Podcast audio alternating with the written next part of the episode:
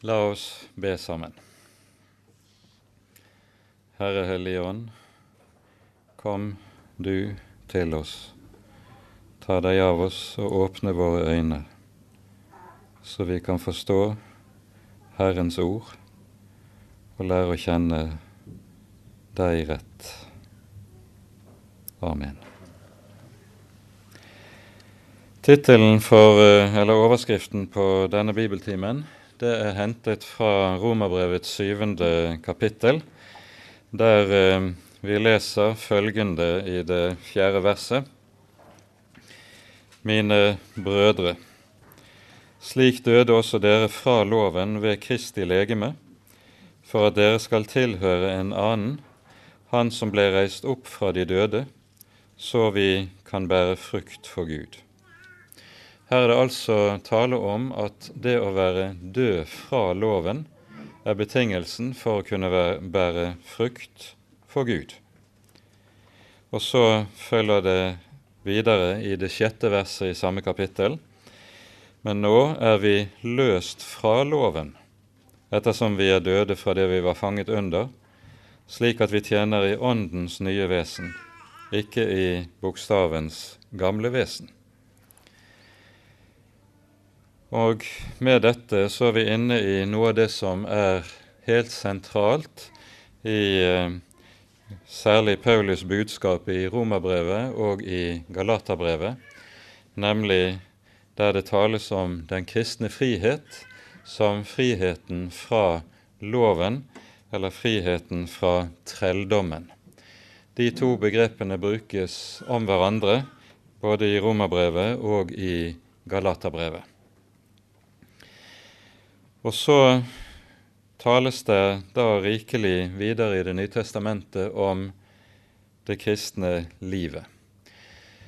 Før vi går videre på dette, er det viktig at vi tar opp en eh, avsporing som eh, de senere år jo er blitt meget uttalt innenfor store deler av den vestlige kristenhet, nemlig den antinomistiske villfarelsen, der en eh, nærmest avviser eh, i praksis Det nye testamentets tale om det hellige livet. Guds nåde beskrives som en nåde som eh, godtar oss slik som vi er, og det er det som blir det aller viktigste i den typen forkynnelse. Til det er det å si meget tydelig og klart at nåden i evangeliet består ikke i at Gud godtar oss slik som vi er. Gud elsker oss slik som vi er, men Hans nåde, Hans frelse, består i at Han frelser oss fra det vi er i oss selv. Og her er det vi altså står overfor eh, en kortslutning og som munner ut i det vi kan kalle for den antinomistiske villfarelse, og som er blitt noe som rir store deler av den vestlige kristenhet som en mare.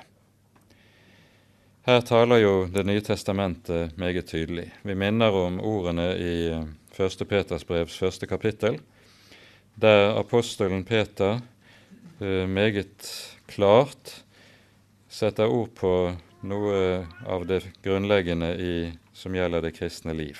Vi leser 1. Peter 1 fra vers 13. Bind derfor opp om dere, om deres sinn, vær edrue, sett deres håp fullt og fast til den nåde som dere får del i i Jesu Kristi åpenbarelse. Som lydige barn må dere ikke kikke dere etter de lyster som dere før hadde i deres uvitenhet men vær, etter den hellige som kalte dere, også dere hellige, i all deres ferd, for det er skrevet, dere skal være hellige, for jeg er hellig. Her er det altså meget tydelig tale om det hellige livet som eh, et kristent menneske er kalt til og satt til. Og det er jo da også meget klart noe som står i motsetning til den type antinomisme som gjør seg så sterkt gjeldende i våre dager. Når Peter siterer dette ordet fra eh, Mosebøkene, eh, 3. Mosebok kapittel 19, 2, Dere skal være hellige, for jeg, Herren deres Gud, er hellig, så er dette et ord som er hentet fra innledningen til det som kalles for hellighetsloven i eh, Mosebøkene. Eh, og vi hører eh, ulike typer sammenfatninger av hellighetsloven i Den hellige skrift. I Det nye testamentet er det jo slik at uh, den siden av loven i Det gamle testamentet som har med seremoniallovgivningen å gjøre, den er avskaffet. Den typen renhetsforskrifter gjelder ikke i den nye pakt. Men Derfor er det også slik at når både Paulus og når vår Herre Jesus skal sammenfatte hva uh, hellighetsloven dreier seg om, så minner de om de ti bud. I morgen har vi som evangelietekst eh, beretningen om den unge, rike mannen som kommer til Jesus og spør hva skal jeg gjøre for å bli frelst. Og eh, når Jesus eh, sier til ham 'Budene kjenner du', og så lister han opp, så hører vi at det Jesus lister opp, det er nettopp fra de ti bud. Jesus konkretiserer altså eh, dette meget tydelig med henvisning til de ti bud. Nøyaktig samme sak ser vi også vi finner hos eh, Paulus i Romerbrevets 13. kapittel, der eh, Paulus understreker at lovens sammenfatning, det er kjærlighet.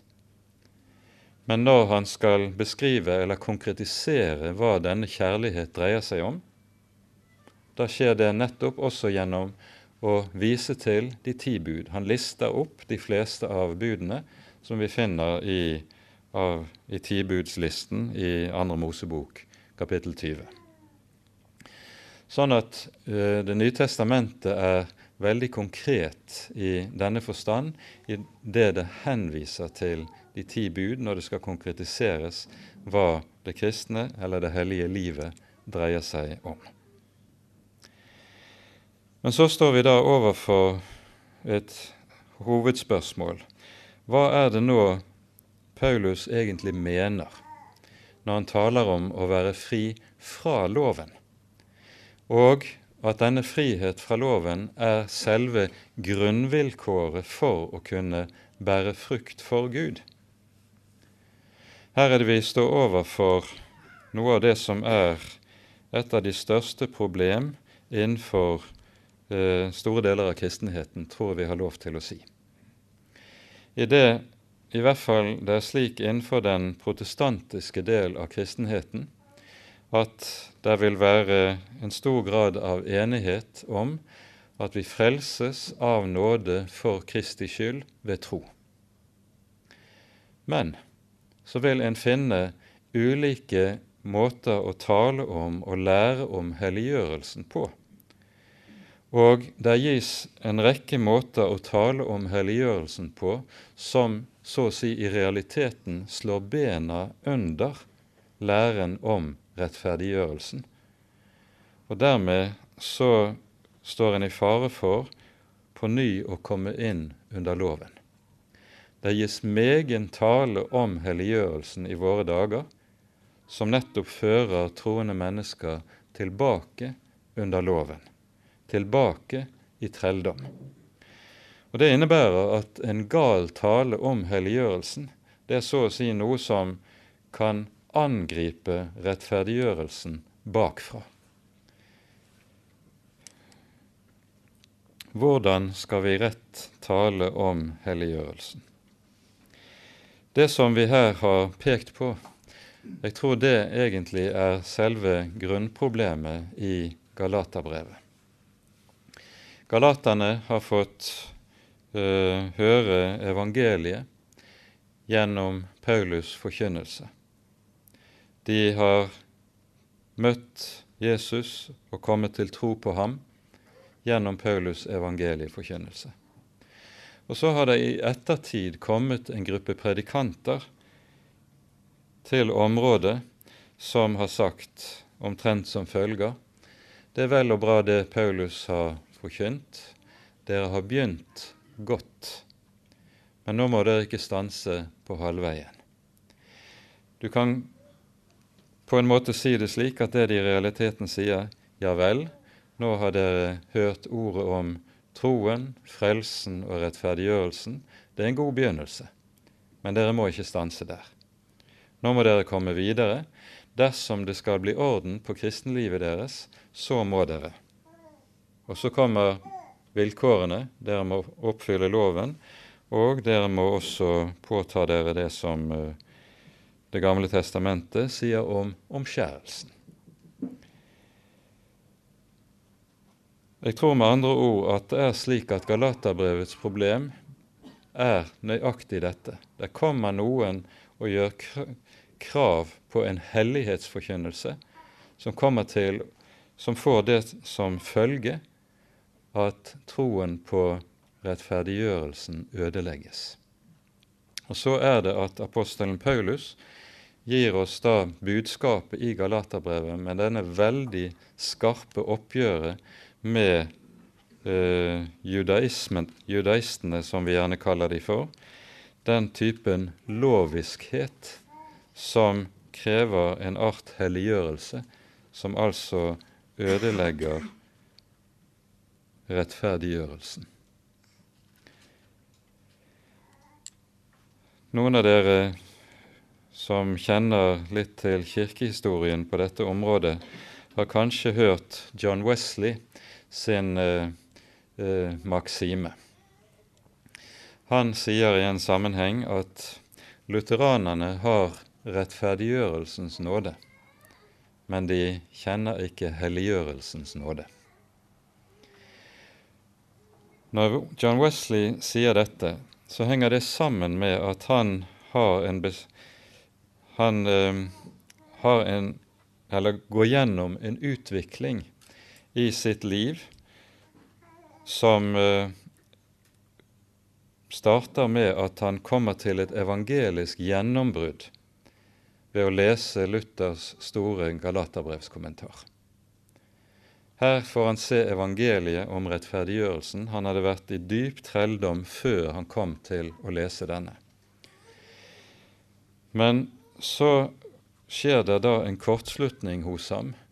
Han blir drivende og bakse med spørsmålet hva da med det kristne livet? Han klarer ikke å komme til rette med det bakser med dette spørsmålet i flere år, inntil han eh, får en stor åndelig opplevelse som han senere gir betegnelsen 'second blessing'. Og Denne second blessing det oppfatter han etter hvert som en eh, annen for, eh, formidling av Den hellige ånd. Han får Den hellige ånds gave på en ny måte og dette er da forutsetningen for at helliggjørelsen kan lykkes. Og Han lærer da etter hvert meget systematisk at denne second blessing er vilkåret for det hellige livet.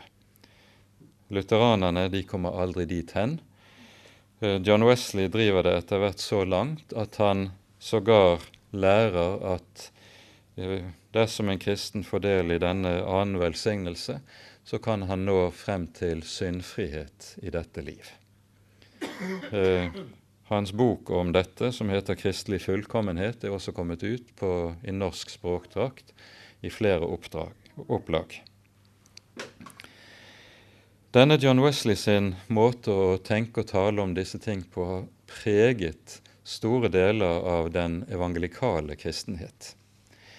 Eh, og kommer til oss i form av ulike typer litteratur, særlig fra amerikansk mark, som oversettes og trykkes opp i store opplag og reklameres for med svært, svært store bokstaver.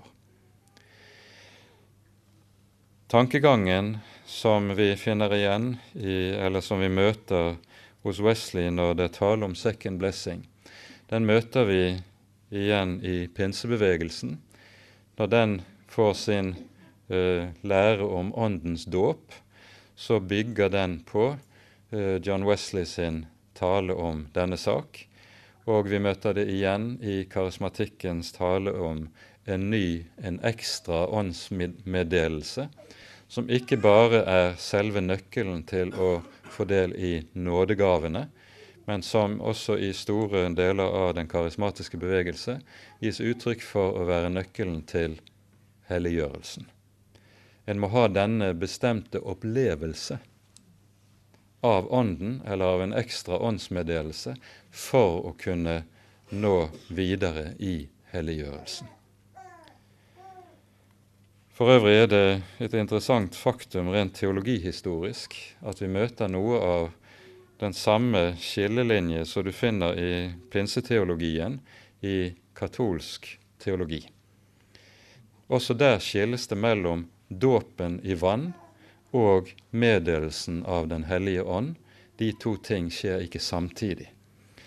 I eh, katolsk teologi er det slik at når barnet døpes, så fris det fra arvesynden, men åndsmeddelelsen kommer først ved krismingen i konfirmasjonen.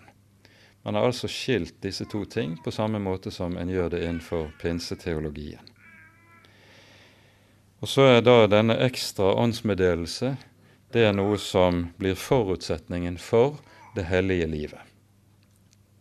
Dette blir veldig eh, sånn kortfattet og kanskje en sweeping karakteristikk av det hele, men eh, det er noen stikkord for å tegne en del av det som er det åndsklimaet som vi lever i i dag. Noe av det som kjennetegner John Wesley i hans måte å tenke på, det er at han dersom for å komme i mål med sin tenkning, så må han omtolke Romerbrevets syvende kapittel radikalt. Og det er det vi skal prøve å dykke ned i nå, før vi går til neste hovedbolk i bibeltimen. Og Da er det tale om det avsnittet som begynner med vers 14 i Romerbrevet kapittel 7. Vi vet at loven er åndelig, jeg derimot er kjødelig, solgt til trell under synden. Jeg forstår ikke det jeg gjør, for det jeg vil, det gjør jeg ikke, men det jeg hater, det gjør jeg. Men gjør jeg det jeg ikke vil, da gir jeg jo loven medhold i at den er god. Så er det ikke lenger jeg som gjør det, men synden som bor i meg. For jeg vet at i meg, det er i mitt kjød, bor det ikke noe godt. For viljen har jeg, men å gjøre det gode makter jeg ikke. Det gode som jeg vil, gjør jeg ikke. Det onde som jeg ikke vil, det gjør jeg. Men gjør jeg det jeg ikke vil, da er det ikke lenger jeg som gjør det, men synden som bor i meg. Jeg finner altså den lov for meg, jeg som vil gjøre det gode, at det onde ligger meg for hånden. For etter mitt indre menneske slutter jeg meg med glede til Guds lov, men i mine lemmer ser jeg en annen lov, som strider mot loven i mitt sinn, og som tar meg til fange under syndens lov, som er i mine lemmer. Jeg elendige menneske, hvem skal fri meg fra dette dødens legeme? Gud være takk ved Jesus Kristus vår Herre. Jeg som er en tje, jeg som jeg er, tjener da Guds lov med mitt sinn, men syndens lov med mitt kjød. Det som John Wesley finner umulig i, når han leser denne teksten, det er å tenke at her er det Paulus som en troende kristen som taler. For slik kan ikke et kristent, et helliggjort menneske tale om seg selv. Det gode som jeg vil, det gjør jeg ikke. Det onde som jeg ikke vil, det gjør jeg. Ingen er jo nådd lenger enn denne Herrens apostel i erkjennelse og i helliggjørelse. Hvordan kan det være mulig at en slik mann taler på det vis om seg selv? Nei, sier John Wesley, det Paulus taler om i dette avsnittet, er om seg selv før han ble en kristen. Men når han ble et kristent menneske, da ble det andre boller. Og Det som helliggjørelsen da kommer til å innebære for John Wesley, det er at han tenker om mennesket slik at det til å begynne med, etter å ha blitt et troende menneske, så å si består av to deler. Og så skal det gradvis da bli slik at den ene delen, som er den onde, det gamle mennesket, kjødet i meg, det skal gradvis overvinnes, slik at det blir mindre og mindre av det onde tilbake i mitt eget hjerte og mitt eget liv. Gradvis skal jeg bli mer og mer helliggjort, og man kan godt si at devisen for denne måten å tenke på, det finner vi i den populære barnesangen som vi i hvert fall sang en del når vi var små, 'Bedre og bedre dag for dag'. Og Da gir det jo seg selv at hvis en har gitt seg hen i lydighet til Gud, da vil en til slutt komme dit hen at det ikke sto tilbake av det gamle mennesket i meg. Jeg når frem til kristelig fullkommenhet. Luther tenker jo grunnleggende annerledes ut når han leser Romerbrevets syvende kapittel. Og det er vanskelig å se annerledes enn at denne John Wesley sin forståelse av Romane 7 ikke er stort annet enn det å søke å tvinge teksten for å få, til å passe, til å få den til å passe overens med sin egen grunnkonsepsjon. For slek, teksten slik som den gis oss, den taler utvilsomt om Paulus slik som han er, som et troende menneske. Det Paulus da taler om, det er at en kristen han er to personer. Det er ikke sånn at han består av to halvdeler, der han etter hvert så å si kvitter seg med og blir i økende grad fri fra den onde biten i seg selv. Nei, en kristen er to personer. Han er det gamle mennesket som han har hos seg, uavkortet like inntil han ligger i graven. Det gamle mennesket blir ikke annerledes. Det gamle mennesket blir ikke bedre. Det gamle mennesket blir ikke borte så lenge vi er her i verden. Gamle Adam er hos oss uforandret og uforbedret helt til vi ligger i graven. Det er først ved døden vi blir fri for gamle Adam. Men samtidig så er kristen, en kristen han er også et nytt menneske.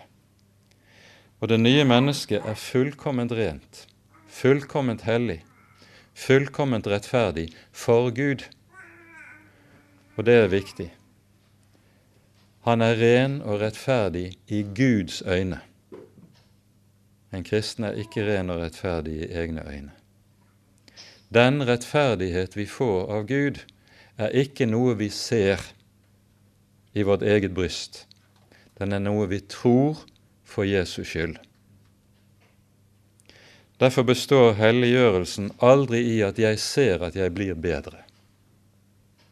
Det vil bare, slik som gamle Adam er, medføre voksende grad av egenrettferdighet. Nei, i Guds øyne er jeg ren og rettferdig fordi min rettferdighet for Gud består ikke i en kvalitet ved meg eller som jeg får, og som blir liggende i mitt bryst. Min rettferdighet for Gud er en person. Det er personen Jesus Kristus som er min rettferdighet.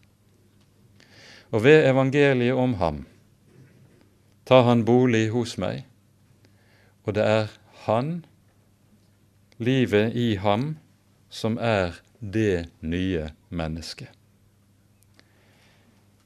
Og Helliggjørelsens kamp består i kampen mellom disse to.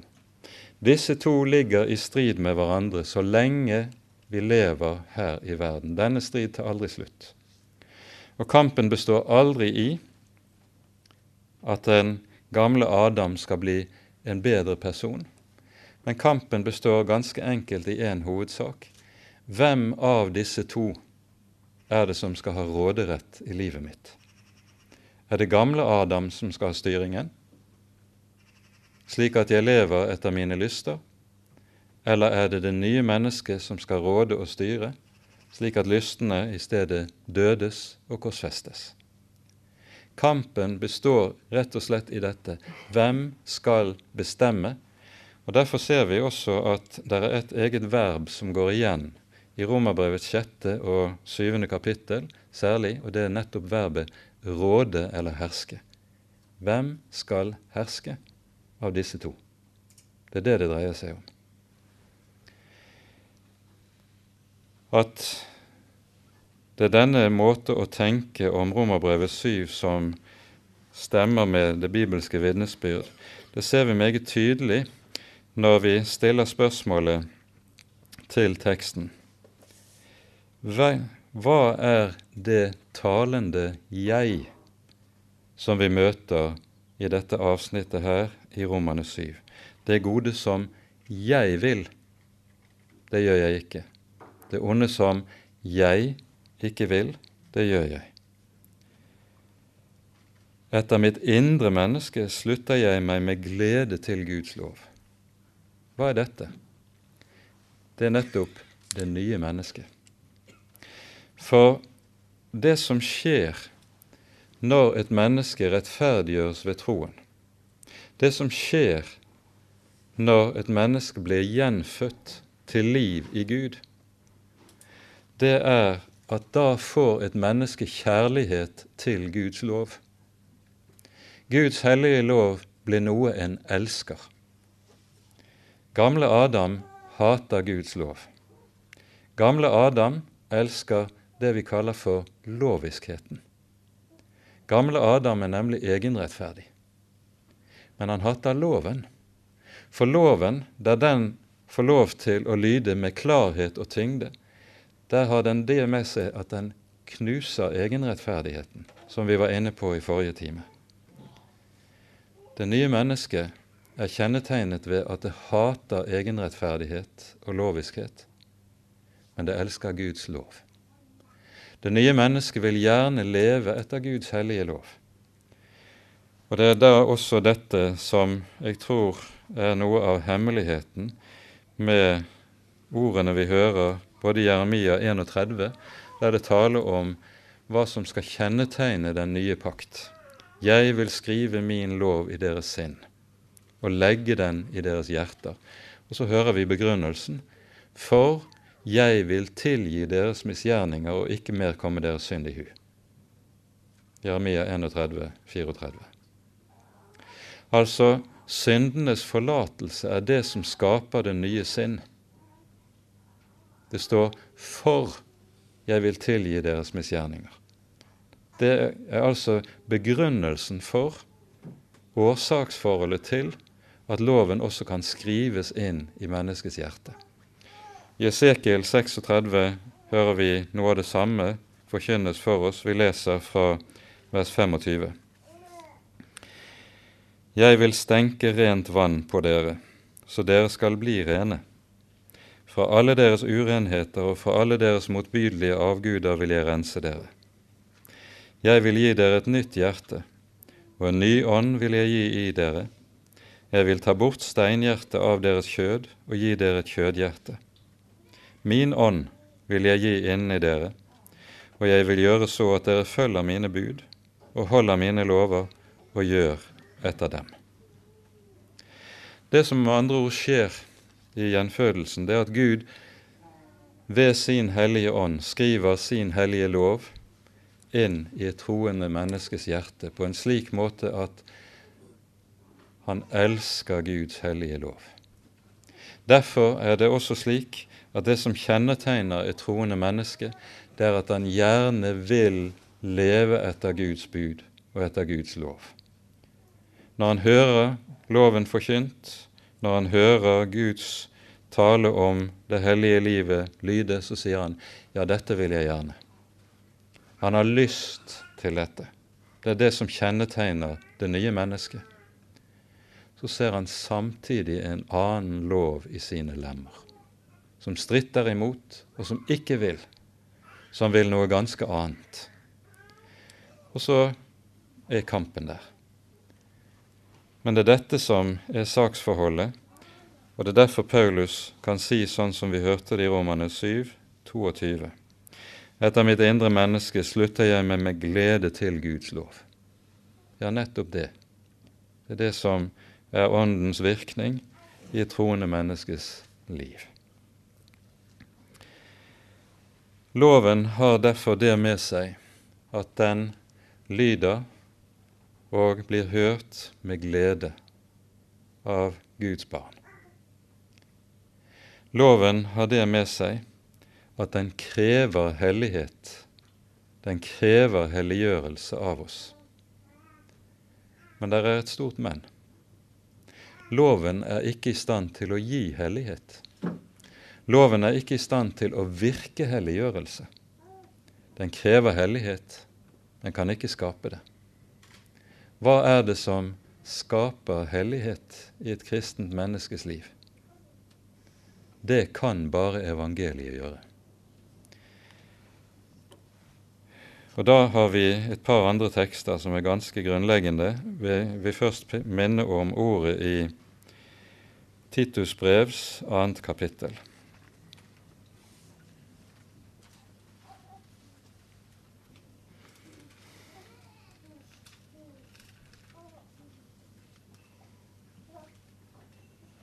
Her leser vi sånn fra vers 11.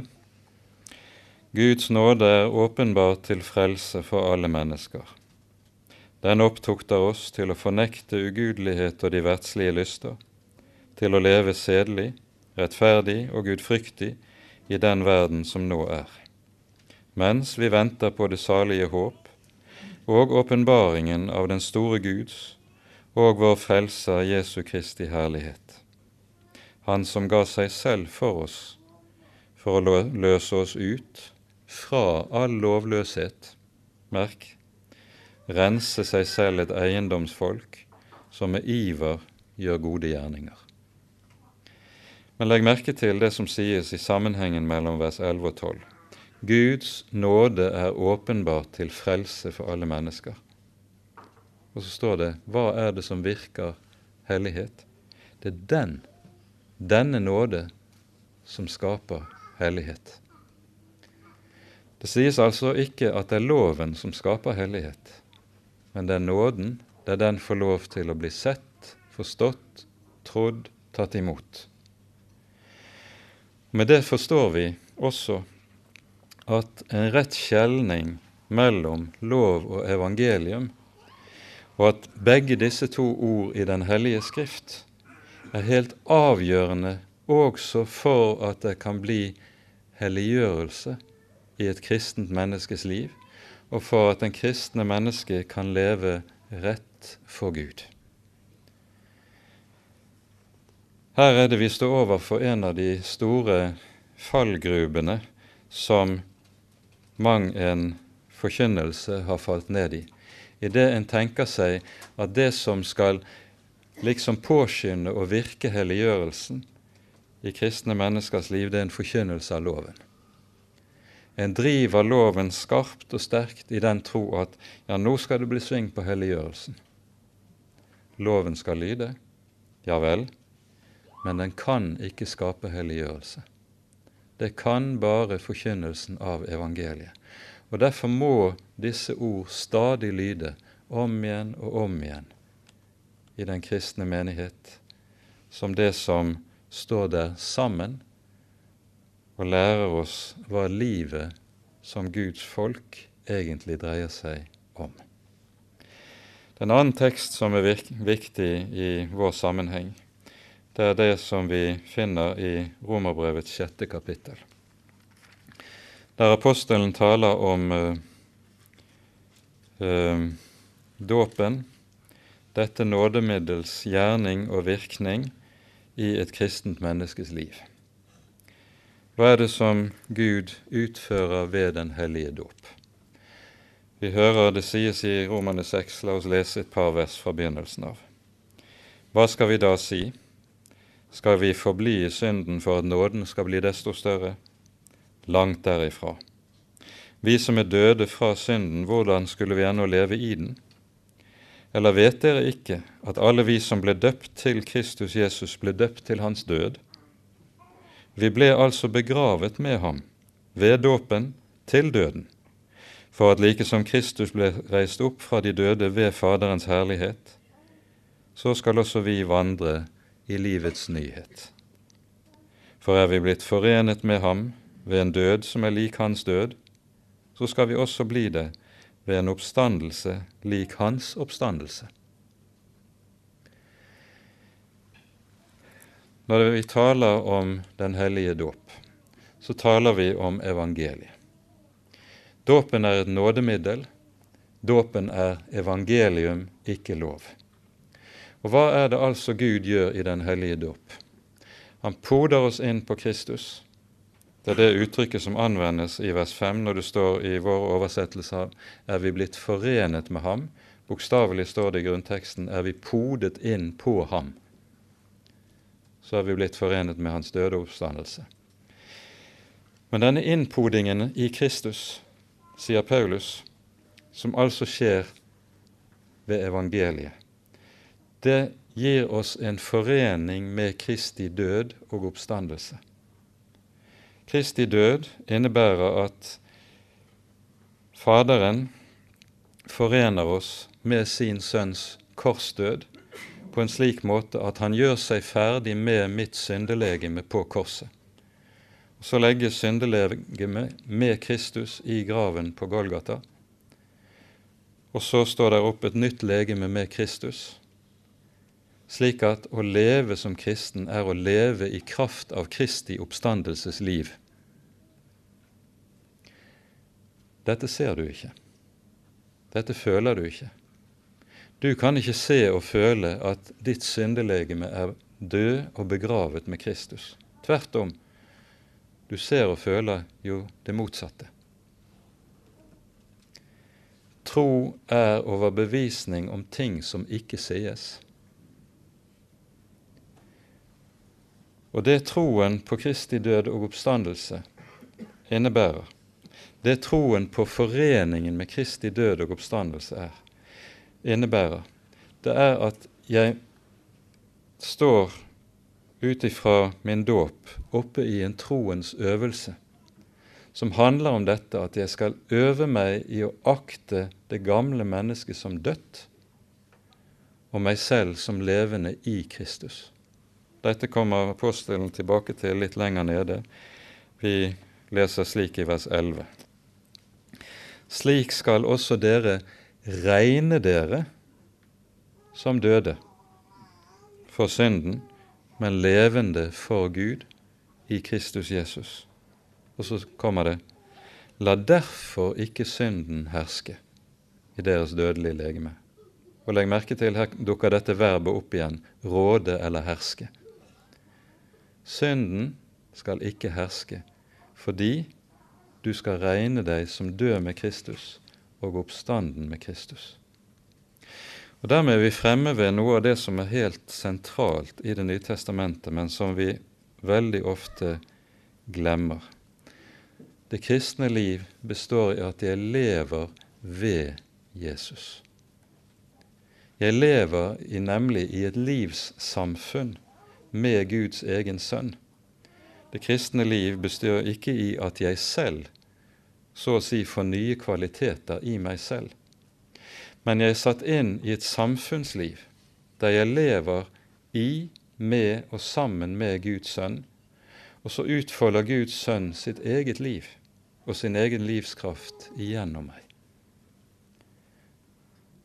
Da er vi fremme ved bildet av grenene og vintreet i Johannes 15, der det om igjen og om igjen lyder disse ordene Bli i meg, bli i meg, så bærer dere megen frukt.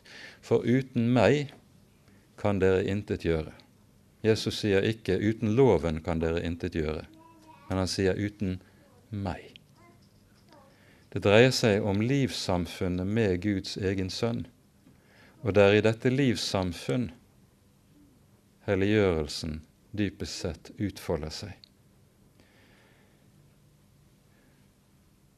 Det å være et kristent menneske, det er å være kalt inn i fellesskap med Guds sønn, til å leve og vandre i dette fellesskapet. Og så gjør Guds sønn sin egen gjerning i oss og hos oss og imellom oss og gjennom oss. Nå ser jeg tiden løper. Vi skulle også talt om en annen sak som er viktig i denne sammenheng, men vi rekker det ikke. I Hebreabrevets tolvte kapittel taler apostelen om hvorledes Gud bruker smerte, motgang og lidelse som redskaper i sin hånd for å døde og korsfeste det gamle mennesket. Det er også en viktig side ved saken. Det rekker vi ikke å tale mer om i dag, men ordene i Johannesevangeliets 15. kapittel, det er og blir de avgjørende ord. Bli i meg, så blir jeg i dere. Bli i meg, så bærer dere megen frukt. Og så sier Jesus også hvordan vi blir i ham. Dersom dere blir i meg, og mine ord blir i dere, da bærer dere frukt. For vi blir bare i ham ved at Hans ord, ordet om ham, blir i oss. Og det er evangeliet. Med dette må vi sette punktum for denne timen. Ære være Faderen og Sønnen og Den hellige ånd, som var og er og være skal en sann Gud, høylovet i evighet. Amen. Vi synger nummer 530.